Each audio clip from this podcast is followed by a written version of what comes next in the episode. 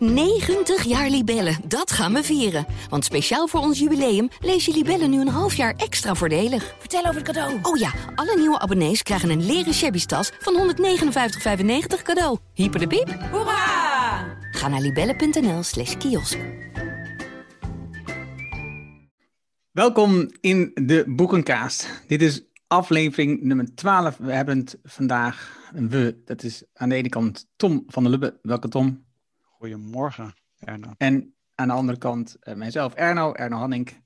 En um, we hebben het over het boek The Fearless Organization van Amy Edmondson. Amy C. Edmondson. Voor het geval dat je... Ja, Tom brengt het boek in beeld als je de video kijkt. Het is een boek op aanbeveling van Tom. Het is iets ook wat volgens mij uh, na aan je hart ligt. Als ik, het, uh, als ik je een beetje heb goed heb begrepen de laatste tijd. Laat ik um, beginnen met... Ik, ik vind dat dat dame, dat die Amy Edmondson nogal veel tekst nodig heeft om het, uh, om, het, om het duidelijk te maken, om het te onderbouwen, om door te gaan, om alles uit te leggen. Ik, ik, in een kwart van een boek had ik het ook begrepen, zou ik zeggen. Maar goed, dat is mijn begin. Wat vind je ervan? Ja, nou, ik ga daar nou dan wel meer over zeggen, maar ik denk dat, met, dat ik het met die conclusie wel eens ben. En misschien even om meteen af te trappen, om, dat, om daar ook mijn mening over te geven. Wat ik interessant vind is, omdat dit is weer een typisch voorbeeld van dat Amerikanen dingen uitleggen die eigenlijk Europees zijn, maar daar wel wereldberoemd mee worden. En het heel goed weten te vermarkten. Ja, dat is, dat is natuurlijk het irritant in het dingen. Dat is echt een kunststuk, maar we komen dadelijk daar wel op, want anders dan gaan we alles lopen verklappen. Dus ik denk dat het gewoon hartstikke goed is om gewoon even te zeggen, het gaat over psychological safety. Dan gaan we dat begrip even uitleggen. En, het, en dan doen we weer even de structuur van het boek, want dan is het namelijk makkelijker om te volgen uh, als, uh, als podcast. Dus ik geef weer gewoon even aan jou, uh, aan jou terug. Laat ik beginnen dan even met het meest makkelijke, is uh, de structuur van het boek. Ga ik dat even om. Is, uh, het, begint, het is opgedeeld in drie delen eigenlijk. De kracht van psychologische veiligheid, psychologische veiligheid op werk en een angstvrije organisatie bouwen. En psychologische vrijheid, veiligheid betekent dus dat je de ruimte creëert in je bedrijf, dat mensen gewoon alles kunnen zeggen. Dat ze niet worden afgestraft op dingen die ze zeggen of te sprake brengen of aankaarten. Dat is hoe ik het in de kern heb gezien. Misschien dat ik wat zeg waar het vandaan komt. Mm-hmm. Uh, of, of, waarom Amy Edmondson, wie zij is en uh, waarom ze beroemd is geworden, et cetera. Want dat, dat staat niet in dat boek, maar is wel voor de context relevant.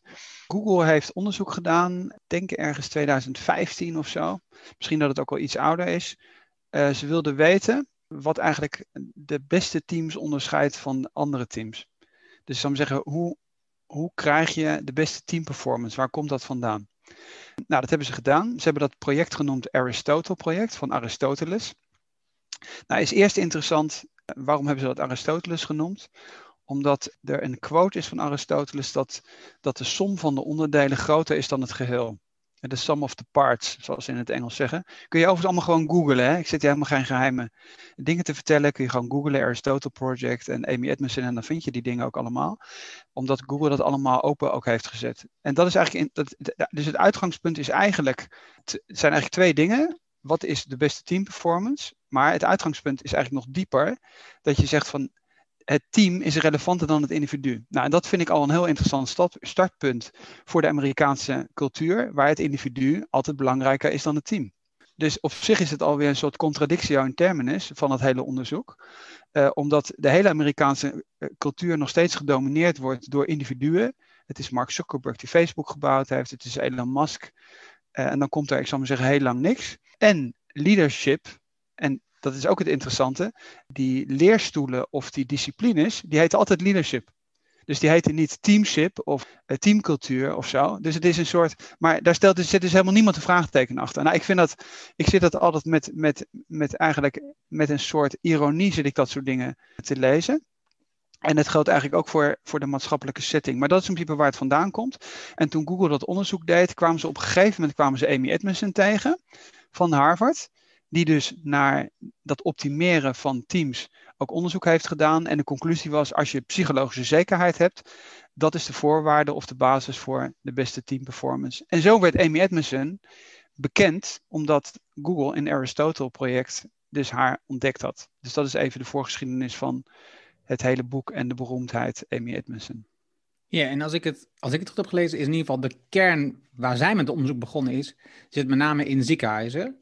Zij heeft heel veel onderzoek gedaan in ziekenhuizen over wat, is nou, wat zorgt nou voor dat veel fouten ontstaan, waardoor gaan er veel dingen mis. Zijn nu de best performende teams de teams die de minste fouten maken? En daar in eerste instantie kwam uit dat onderzoek dan uit dat dat niet zo was.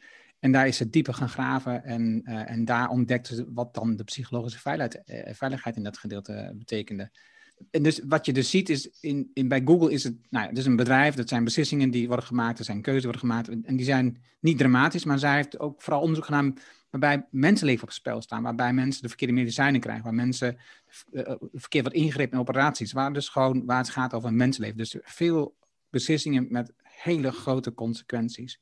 Dat vond ik interessant, omdat je dus daarna misschien wel denkt van ja, dit is niet interessant voor mijn bedrijf, want de dingen die bij ons bedrijf, die zijn niet, die zijn niet zo van belang. Die zijn niet zo, weet je, er staat geen mensenleven op spel als ik dit ding, eh, dan nog. Ja. voordat ik de kern van het boek vertel, laten we even dieper gaan. Nou, ze heeft natuurlijk in, in het begin eh, pak ze een aantal bedrijven en omstandigheden waarbij groot falen het eindpunt was. En van iets, zeg maar, dus bijvoorbeeld de, de explosie van, uh, wat was ook weer, welke, welke spaceship was het ook weer? Ja, je hebt de Space Shuttle, Fukushima, het ongeluk van KLM op uh, de Canarische eilanden. Ja, dus, dus ze pakt het eindpunt. Elke keer pakt ze er grote catastrofes uit en laat eigenlijk zien. En gaat terug naar waar dat dan vandaan komt. En dat dus mensen op meerdere momenten in het proces, in het project, niet de waarheid durven te zeggen hoe het ervoor staat, wat er aan de hand is, wat mensen zelf denken wat de situatie is, waar ze uh, problemen zien. En dat stapelt zich op tot uiteindelijk de catastrofe. Dat, dat is, nou dat, daar zie je gewoon duidelijk wat het betekent als mensen in je organisatie niet durven te zeggen wat er werkelijk op hun gedachten zit. Dus dat, dat, dat, nou, dat, goed, daar kun je dan twintig hoofdstukken voor gebruiken, maar je kan het ook gewoon heel snel zeggen, denk ik dan. Ja, maar er zitten wel, er zitten wel heel veel interessante aspecten in. Dus bijvoorbeeld in dat eerste, dus, hè, dat zijn in principe die drie delen. En de, bijvoorbeeld de Power of Psychological Safety, daar gaat ze wel voor gedeelte, ik zou maar zeggen, tips ze thema's aan die als je wat meer context hebt, waar je dan wel dieper, waar je wel dieper kunt graven en dan, dan stip ze heel snel iets aan. Bijvoorbeeld één, één ding wat we misschien tegenwoordig normaal vinden, maar dat ze bijvoorbeeld zegt van nou ja, angst is counterproductief, contraproductief. Dus daar zitten wel interessante aspecten in. Dus ik zou maar zeggen, misschien moeten we, hè, ze is hoogleraar in Harvard, ze doet daar hele leven onderzoek naar en zij is psychological safety. Dus je hebt in principe wel, als je zegt van nou, ik, ik, ik begrijp dat, dat, dat die zekerheid die je in teams hebt, dat mensen, ik zou maar zeggen, en noem zij die extreme situaties waar ze vandaan komt, hè, to speak up en dan te zeggen, oh jongens, we mogen nog helemaal niet opstijgen. Dat is het uh, voorbeeld van het vliegtuig, uh, omdat ja, je een hiërarchie hebt. Dat, dat zijn wel interessante dingen. Maar dat zit bijvoorbeeld ook sexual harassment zitten in over Uber, Fukushima, waar mensen gewaarschuwd hebben, et cetera. Dus het zijn wel allemaal hele interessante dingen. Omdat het uiteindelijk in groter wordende organisaties ook uiteindelijk altijd het probleem is. En dan ben je ook weer bij die, uh, bij die piramide of ignorance. Dat hoe groter zo'n organisatie wordt, de informatie die in de organisatie leeft, niet meer bovenaan komt bij de top. Dus nog steeds interessant gedeelte. Die hele, hoe functioneert dat nou eigenlijk? Die power of psychological safety. Of omgekeerd, als je die safety niet hebt, die psychological safety, dan krijg, heb je dus ook die catastrofes. En dat is waar ze, dat is waar ze vandaan komt, uit het ziekenhuis en, uh, en, en dit, soort, dit soort eigenlijk rampen, waar je eigenlijk kunt zeggen, het, is altijd, het had altijd voorkomen kunnen worden. Ja. Dat van het angststukje weer zegt, zat ik over na te denken. Wat dat, die had ik ook voor mezelf opgeschreven. Dus, dus de angst zorgt ervoor dat mensen een deel van hun brein bezighouden met die angst. Het is, het is een continu proces. En daarmee belast je, of je, je, neemt de kracht weg, de energie weg van een ander deel van je brein, waarmee je uh, dingen verwerkt, nieuwe dingen verwerkt en ook uh, opslag doet van deze um, ervaringen en dat soort dingetjes. En dus wat je doet, is je vermindert het proces om te leren. Dus angst zorgt ervoor dat je minder leert. Dat, dat vond ik wel een super interessante conclusie. Ja, en je bent minder productief. Dus bijvoorbeeld in, in andere podcasts waar we het hebben gehad over crisismanagement, en dat is iets bijvoorbeeld waar wij het natuurlijk ook vaak al over hebben gehad, is dat als je in tijden van crisis, is het heel belangrijk dat er transparantie heerst. Dat hebben we besproken in het boek van Arjen, of in de podcast over het boek van Arjen Bannach, Remote Leiderschap. Want als die kennis er is, dat natuurlijk in combinatie van we gaan zo lang mogelijk ontslagen vermijden, leidt ertoe dat die mensen die hersencapaciteit kunnen gebruiken voor het werk. Zijn ze bang, dan heb je dus een dubbel effect. Ten eerste zijn ze niet productief omdat het gedeelte van hun hersencapaciteit permanent ermee bezig is. Word ik wel of niet, word ik ontslagen of wanneer ben ik aan de beurt? En je, je innovatief vermogen wordt ook uh, geblokkeerd. Dus het heeft, een, het heeft een, dubbel, een dubbel negatief effect op je productiviteit. En het grappige is nu over begin aan te denken, de laatste paar keer heb ik het weer gehoord. In een crisissituatie wordt er juist sterk leiderschap verwacht. Dat mensen, dat mensen het voortouw nemen en beslissingen maken. En dat zie je nu ook in de coronasituatie. De, de, de, de Nederlander verwacht gewoon dat de minister-president zegt, wij moeten mondkapjes op hebben. En, de minister-president zegt, nee, mensen zijn slim genoeg om zelf te beslissen uh, wat ze gaan doen. En, dat, en je moet gewoon zelf een keuze maken. En ik, ik beveel je het gewoon aan, maar voor de rest maak je zelf die keuze.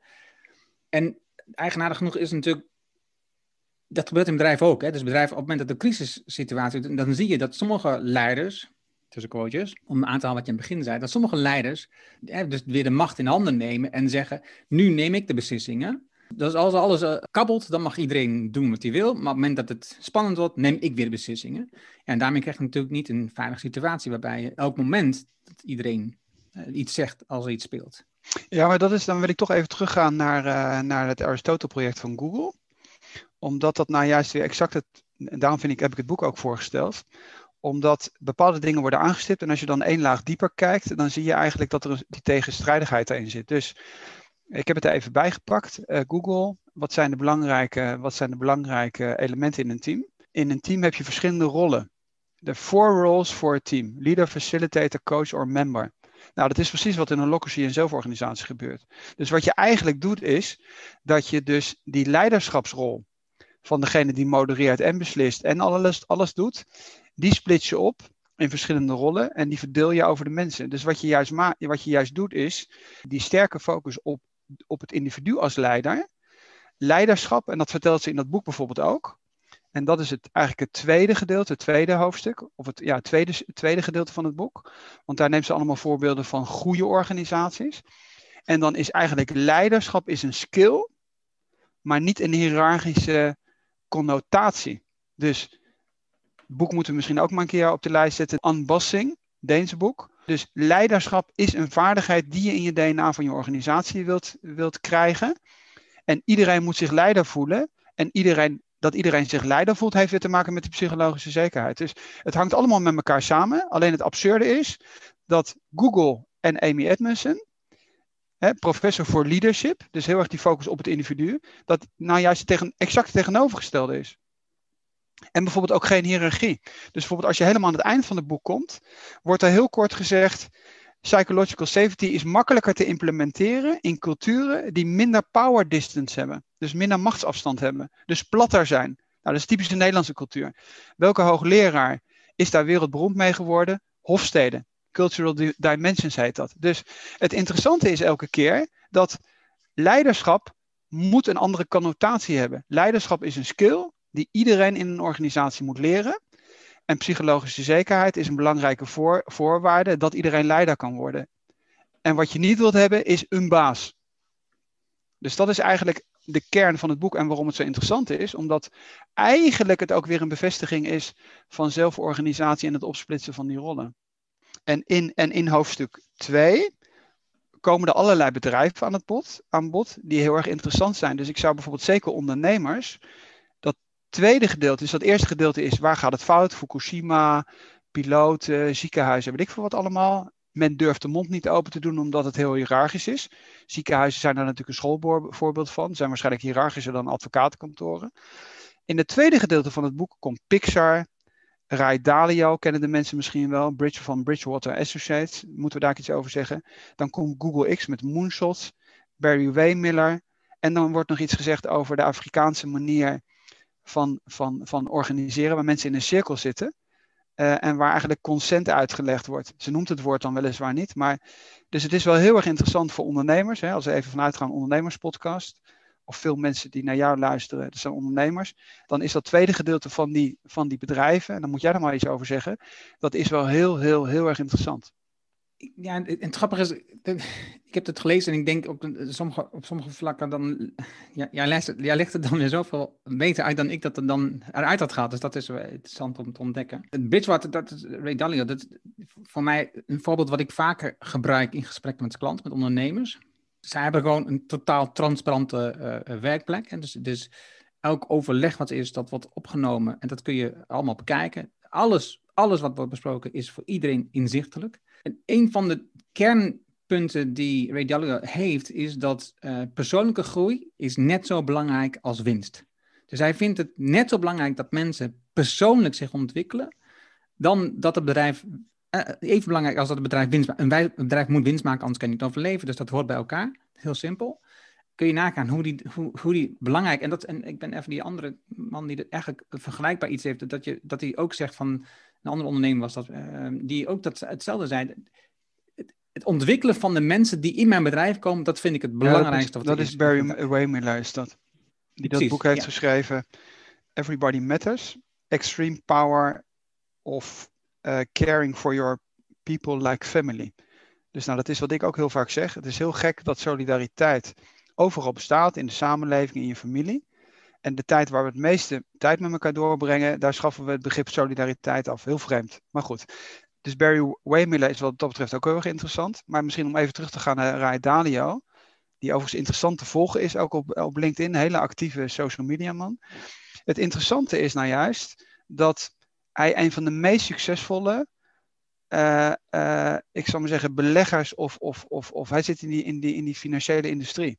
Dus je hebt, het, je, hebt, je hebt het, een van de meest kapitalistische voorbeelden, is op een bijna anarchistische, basisdemocratische manier georganiseerd. Waar alles toegankelijk is, waar iedereen alles mag weten.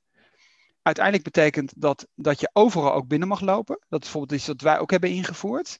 Dat je in elke meeting mag iedereen binnenlopen. En zeggen, ik heb hier over een punt en ik word ergens niet gehoord, maar ik wil het hier op de agenda zetten.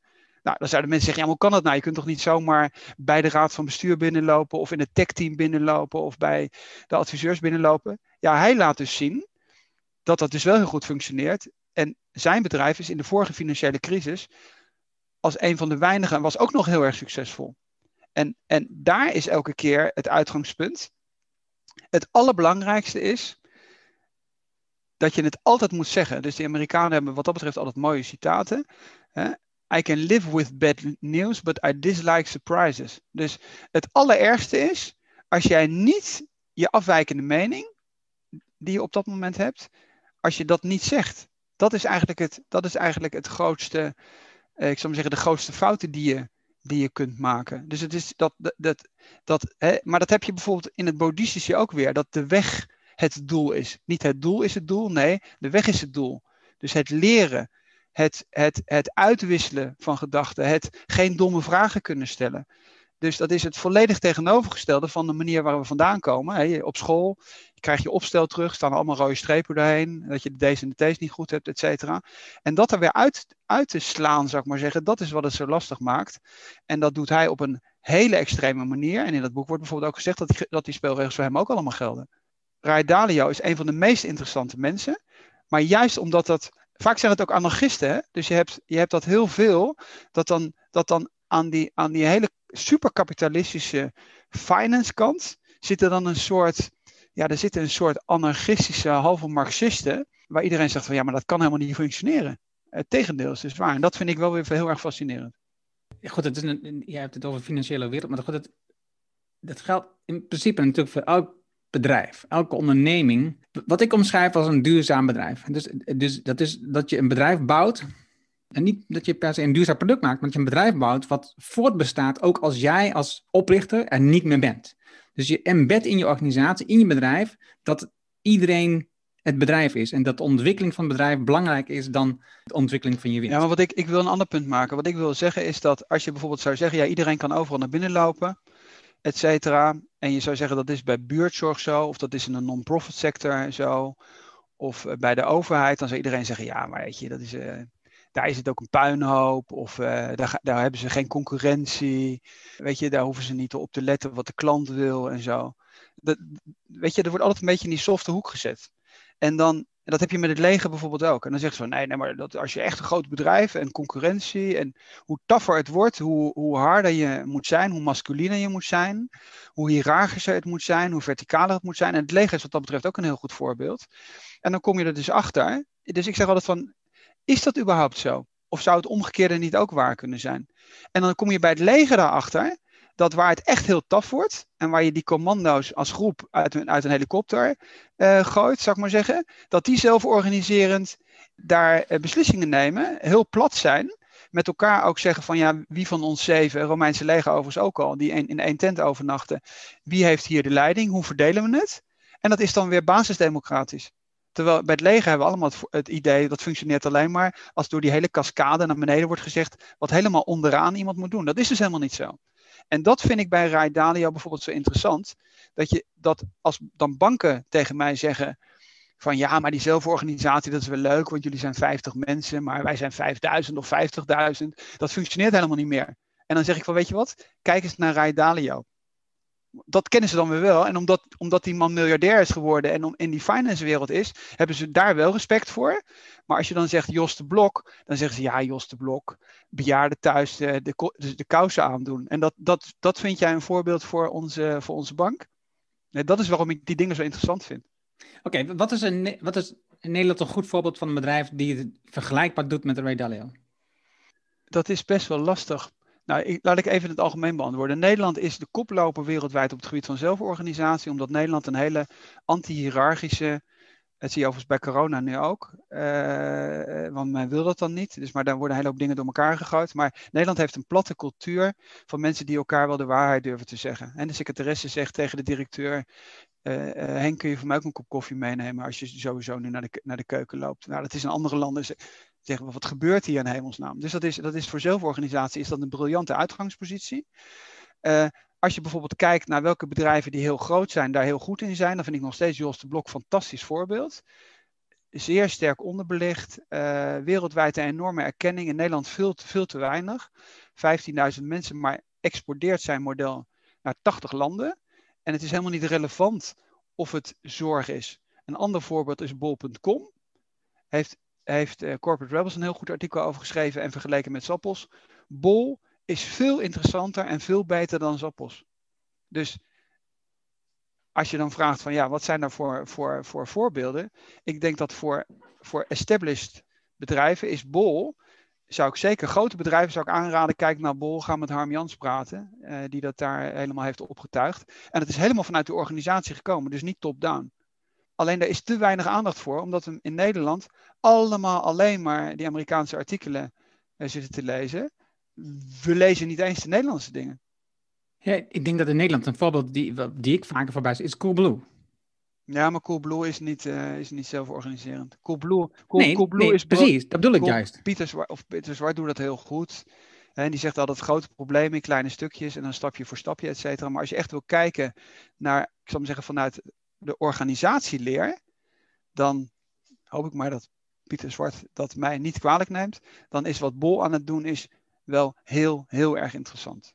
Ja, daarom, daarom, daarom noemde ik het juist. Ik denk juist dat Coolblue op dat vlak nog een boel kan veranderen. Dus eh, het is altijd de leider die in beeld De vraag is, wat is er met Coolblue als Pieter Zwart er geen zin meer in heeft? Precies.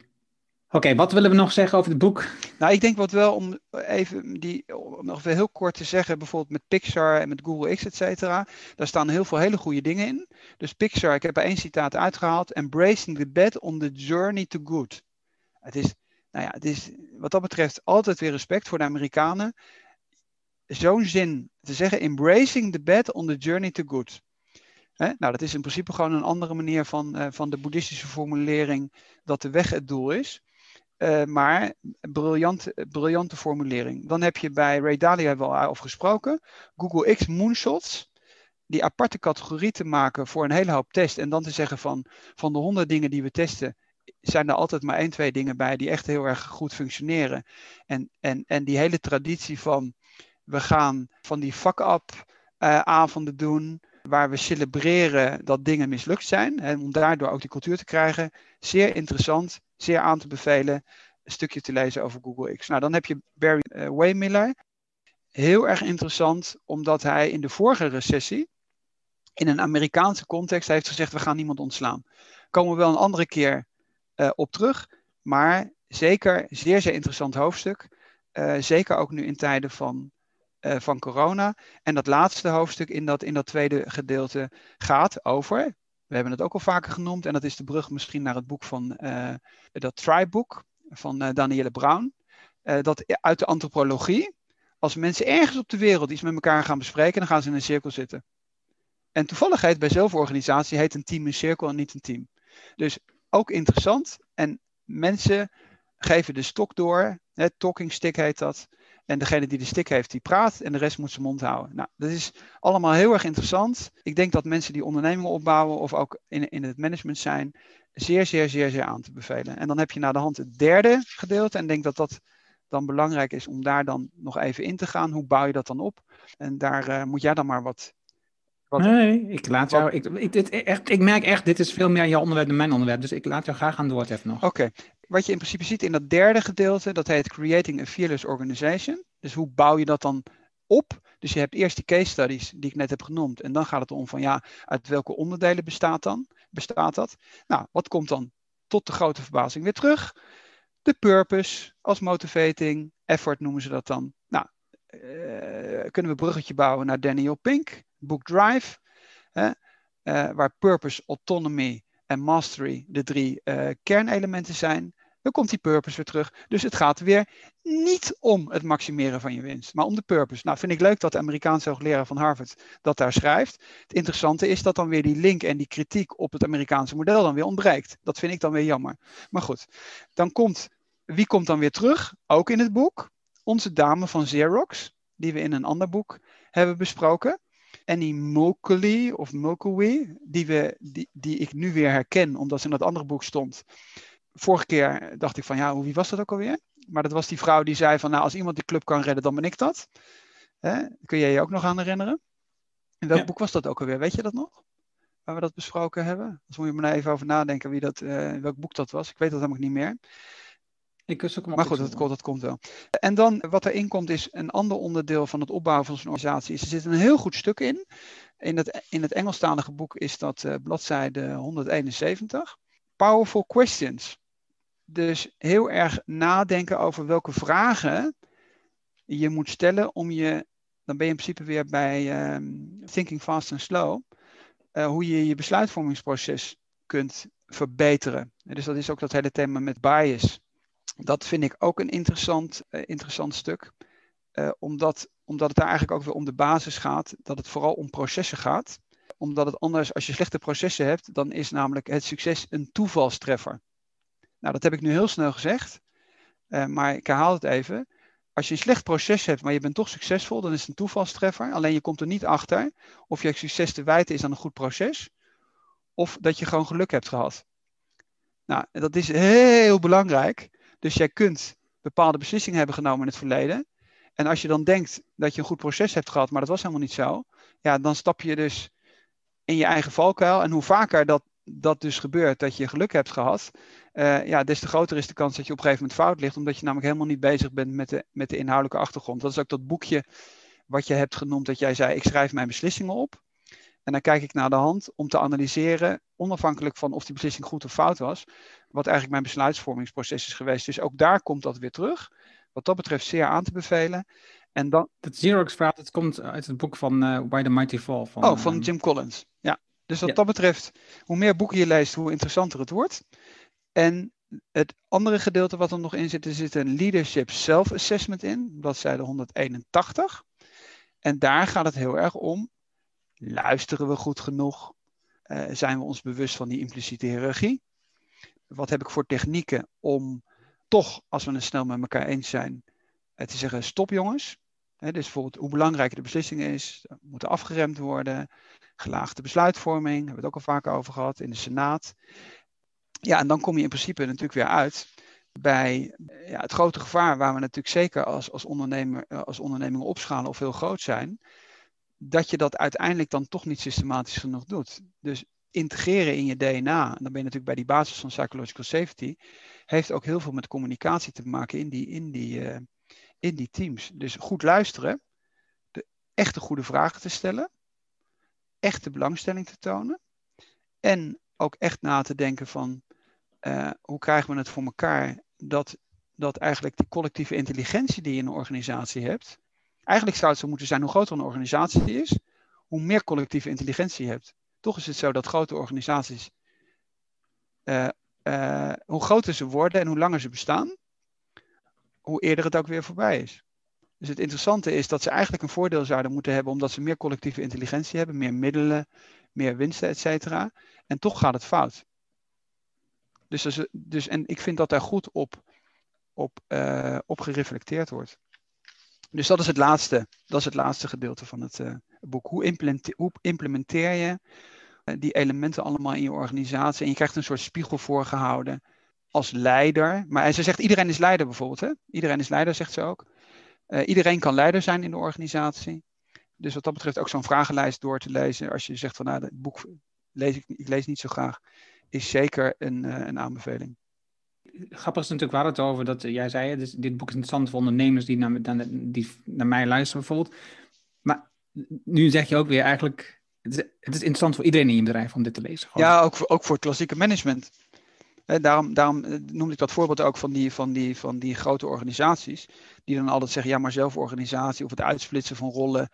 Dat functioneert in een bedrijf tot 50, maar niet bij ons. Nou, Haya in China hebben we ook wel eens genoemd. Hè? Dat ze daar 70.000 mensen opsplitsen in 4000 mini uh, of 4000 bedrijven. Alleen hier krijg je elke keer ook een wetenschappelijke onderbouwing. Dus ik denk ook zeker dat voor de corporate wereld het nog steeds een, ja, een interessant boek is. En het leest, je leest het, het zijn ongeveer 200 bladzijden. En het is misschien om, om op een positieve manier die cirkel rond te maken naar, jou, naar jouw inleiding. Uh, ja, je zou het misschien in minder woorden hebben kunnen zeggen, maar het voordeel van de Amerikanen is wel dat die boeken gewoon heel snel weglezen. Je hebt 200 bladzijden, die lees je in één of twee avonden en lees je dat weg.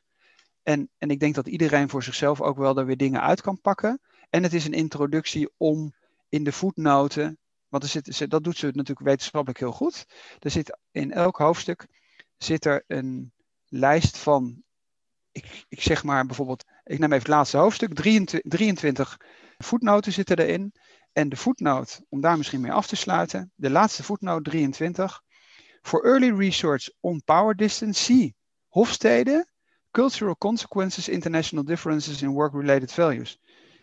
Nou, dan zou ik zeggen, het, het hoofdboek van de heet Cultural Dimensions. Ja, en dan zie je toch maar weer dat Nederland met de, met de platte, niet hiërarchische uh, cultuur, wat overigens te maken heeft met het feit dat we geen, geen aristocratische traditie hebben, uiteindelijk helemaal niet zo slecht is. Dus het boek van Gert Hofstede, daar maak ik de cirkel mee rond, vind ik misschien wel beter dan het boek van Amy Edmondson. Ik kan me herinneren dat ik dat boek moest lezen voor mijn studie.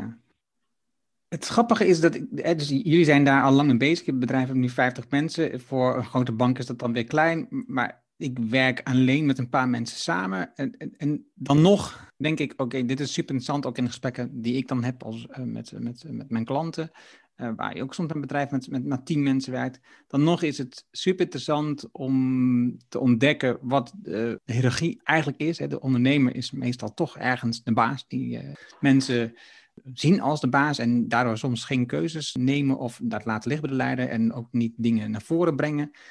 En terwijl de ondernemer werkt het ook zelf in de hand. Een beetje de oude kindrelatie uh, die ik al vaak heb genoemd. Dus de ondernemer werkt het natuurlijk zelf in de hand. De, de, de, werknemer komt bij haar en die vraagt dingen. En de ondernemer geeft gewoon antwoord. In plaats van die vragen verstelt om te verdiepen of om te verbreden, gaat hij gewoon in op het. Uh, want dan zijn we allemaal zo snel mogelijk geholpen en kunnen we verder met klanten helpen of wat dan ook. Hè. Dus kunnen, dan kunnen we de andere dingen oppakken. En dat is, dat is dus uh, ja, precies het tegenstel van wat je wilt doen, want je houdt dus gewoon in stand wat je niet wilt hebben. Ja, ja en wat, wat misschien nog wel belangrijk is, is dat uiteindelijk groot is altijd maar een optelsom van klein. dus de vraag is alleen hoe je, het, hoe je het organiseert. En dat is in principe wat Pieter Zwart natuurlijk met betrekking tot processen briljant doet. Hij zegt altijd, eh, als het een groot probleem is, moet je het gewoon moet je opknippen. Een, een, een klein probleem los je makkelijker op dan een groot probleem. Alleen een groot probleem bestaat vaak uit veel kleine problemen. En dat weten we, die hele, de, hele, de hele beweging van, de, van, van agile of agiliteit, dat is in principe ook niks anders dan kleine stapjes en kijken van wat, wat functioneert wel en wat functioneert niet. En bij moonshots heb je dat dan op een strategisch niveau, dat je zegt van nou, ik heb heel veel, ik heb, ik doe heel veel, ik heb heel veel ideeën, gooi me op één grote hoop. We gaan die dingen allemaal testen en dan van die honderd dingen zit er misschien iets interessants bij. Bij scenario planning doe je uiteindelijk doe je dat theoretisch. Dus dan, dan ben je concepten aan het doordenken. En dan zeg je van nou, als we dan naar de hand die situatie hebben, dan pakken we variant 98 uit de, uit de la. Oliecrisis voorbeeld, Arie de Geus, uh, Shell, jaren 70. Dus wat dat betreft zijn die dingen, een hele hoop van die patronen komen wat dat betreft steeds terug. Maar Google zegt bijvoorbeeld ook, optimale teams hebben een maximale grootte. Nou, dat weten we uit onderzoek ook. Dat bijvoorbeeld drie is een goede grootte, nou vijf misschien ook nog. Wordt het groter, dan wordt het, dan wordt het snel niet productief. Nou ja, wat gebeurt er in hele grote organisaties? Dat, merk je, dat merken heel veel mensen die nu thuis zitten te werken en partners hebben die bij, bij corporate bedrijven werken. Daar zitten oneindig veel mensen in die, uh, in die calls. En die mensen zitten allemaal wat anders te doen. Maar ze zitten de hele dag in calls met heel veel mensen en iedereen zit parallel te werken. aan, dus eigenlijk te werken. En dan zeggen de mensen van, nou, we gaan nu weer aan het werk, zeggen ze dan na zo'n, na zo'n vergadering. Nou, dat is natuurlijk heel absurd. Dus ik denk wel dat, uh, dat mensen er uh, veel uit kunnen halen. En uiteindelijk haalt iedereen altijd uit boeken ook die thema's uit waar die op dat moment ook zelf mee bezig is. Dus het kan best zijn, ik heb nu bijvoorbeeld een aantal dingen genoemd, die waarschijnlijk uit de context komen van wie ik ben en wat ik aan het doen ben. En als iemand anders dit boek zou hebben besproken, komt hij misschien met tien hele andere voorbeelden. Dus als iemand dat bespreekt die bijvoorbeeld manager bij Unilever is, dan zou iemand er tien andere dingen waarschijnlijk hebben uitgehaald. Dus wat dat betreft gun jezelf ook de kans om gewoon. Het is een goed boek. Psychological safety is op dit moment een van de meest besproken thema's. Ik zou eigenlijk zeggen, je leest het heel makkelijk weg. Pak het erbij en haal voor jezelf er gewoon uit waar je wat aan hebt. En daarmee sluiten we deze aflevering af. Dankjewel voor je inzichten, Tom. Ik vond het heerlijk om uh, dit keer meer te luisteren dan zelf in te brengen. Uh, Gaan we volgende keer wel anders doen? Ja, dat, maar dat, is, dat kan. Het hoeft niet altijd nee, hetzelfde te zijn, toch? Dat is, ik denk ja. dat het goed is. Het is. Dit is echt een onderwerp waar jij veel van weet. En ik denk ook, je zit, je zit in zo'n zelfsturende um, organisatie. Je hebt holacracy ingevoerd. Dat heeft niet elk bedrijf. En dus dat is ook dit denkproces wel misschien wat anders gaan dan dat bij jou, bij jullie dat gewend is. Dan nog is het goed om te kijken vanuit jouw uh, oogpunt, hoe werkt dat dan en waarom is het dan zo belangrijk? Dus dankjewel voor het luisteren. Heb je opmerkingen, vragen, reacties op deze aflevering of over de boekcast in het algemeen? Um, stuur dan een reactie, een mail of uh, laat een bericht onder deze video of onder deze podcast achter. We horen super graag van jou. Heb je een voorstel van een boek die we beslist moeten bespreken? Dat hoor ik heel graag. Dankjewel voor het luisteren en tot de volgende. Dankjewel.